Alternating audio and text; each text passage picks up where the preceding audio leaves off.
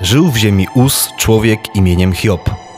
Był to mąż sprawiedliwy, prawy, bogobojny i unikający zła. Miał siedmiu synów i trzy córki. Majętność jego stanowiło siedem tysięcy owiec, trzy tysiące wielbłądów, pięćset jarzm wołów, pięćset oślic oraz wielka liczba służby. Był najwybitniejszym człowiekiem spośród wszystkich ludzi wschodu.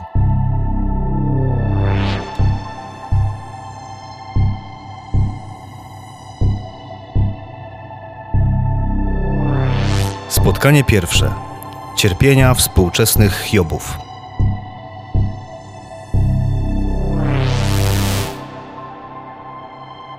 Tak naprawdę nie wiem, do kogo teraz moje słowa docierają. Może jesteś człowiekiem młodym, który dopiero w życie wchodzi z perspektywami, wielkimi możliwościami. Może studentem, któremu się nie powiodło i który próbuje dorobić tu i tam żeby jakiś grosz uskładać i gdzieś na dłużej się zaczepić. Może jesteś człowiekiem w sile wieku, który dopiero teraz wraca z pracy, bo nie sposób jej przerobić, bo wciąż nowe zobowiązania wyrastają jak grzyby po deszczu. Może właśnie świat ci się zawalił, bo ktoś cię opuścił, zdradził, wykorzystał, bo usłyszałeś o chorobie swojej albo kogoś, kogo kochasz, bez kogo życia sobie nie wyobrażasz. Może jesteś człowiekiem w podeszłym wieku, szczęśliwym, spokojnym, a może smutnym, bo odtrąconym i samotnym. Może twoje oczy pełne są życia, a może przygasły już dotkliwie życiem zranione. Może Bóg jest dla ciebie wszystkim, a może daleko jesteś od Niego. Może, może, może.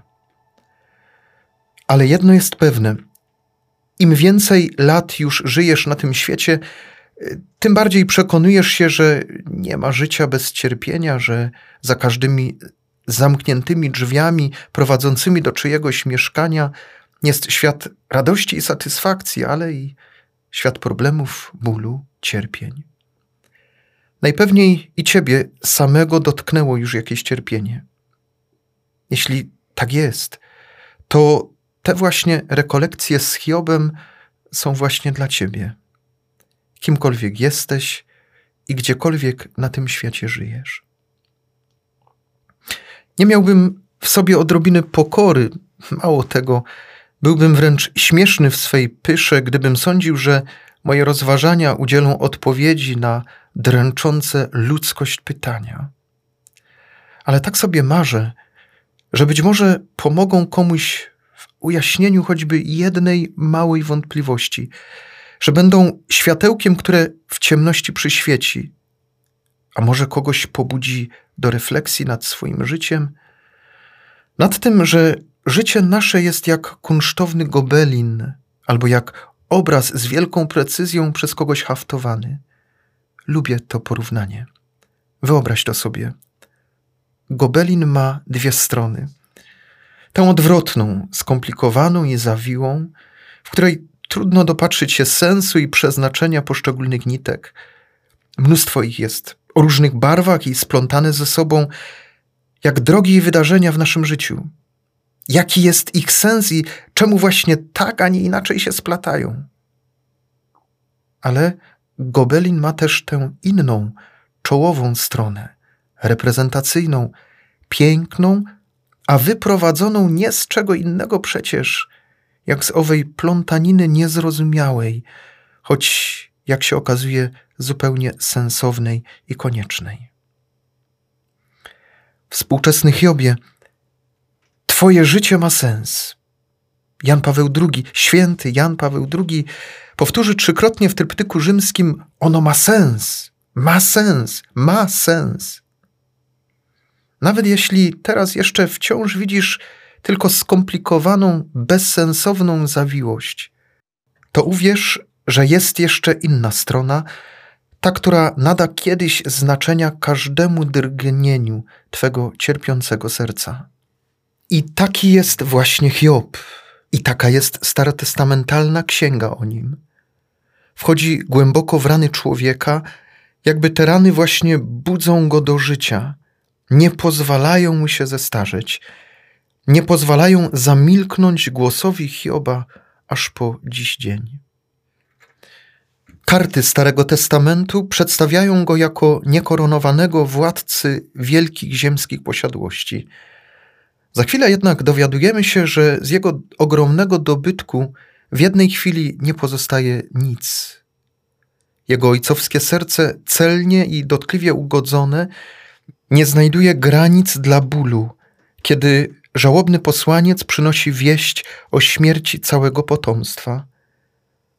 Oto książę swej krainy staje się w jednej chwili człowiekiem zdruzgotanym, bez perspektyw i nadziei na normalną przyszłość.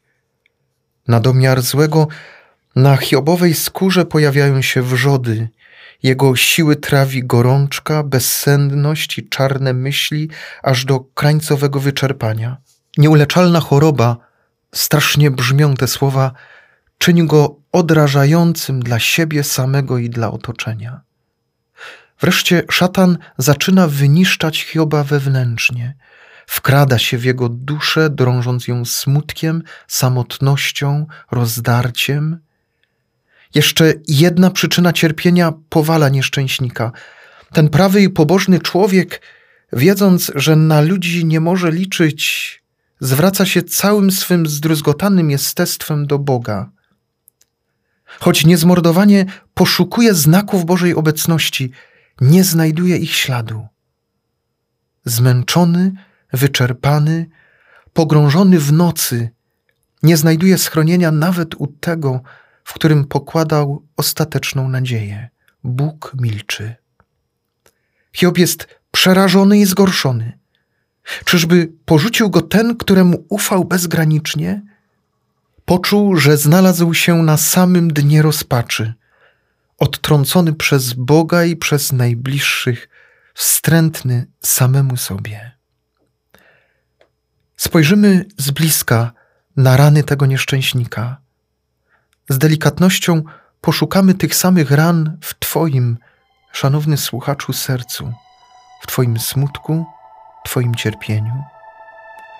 Może nas ten biblijny nieszczęśnik jakoś pocieszy, może podpowie, jak żyć dzisiaj ze swoim cierpieniem. Ale to wszystko już w kolejnych naszych odsłonach rekolekcji z Hiobem. A może uda Ci się do przyszłego spotkania zajrzeć do księgi Hioba? Po raz kolejny, a może dopiero po raz pierwszy? Warto zmierzyć się z tym tekstem, perłą starożytnej literatury.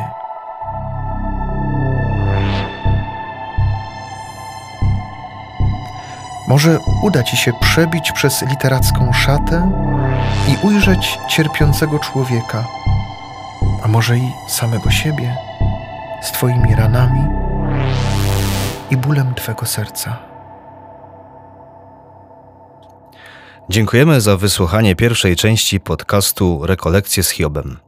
Na kolejny odcinek tej serii zapraszamy już w następną środę o godzinie 16.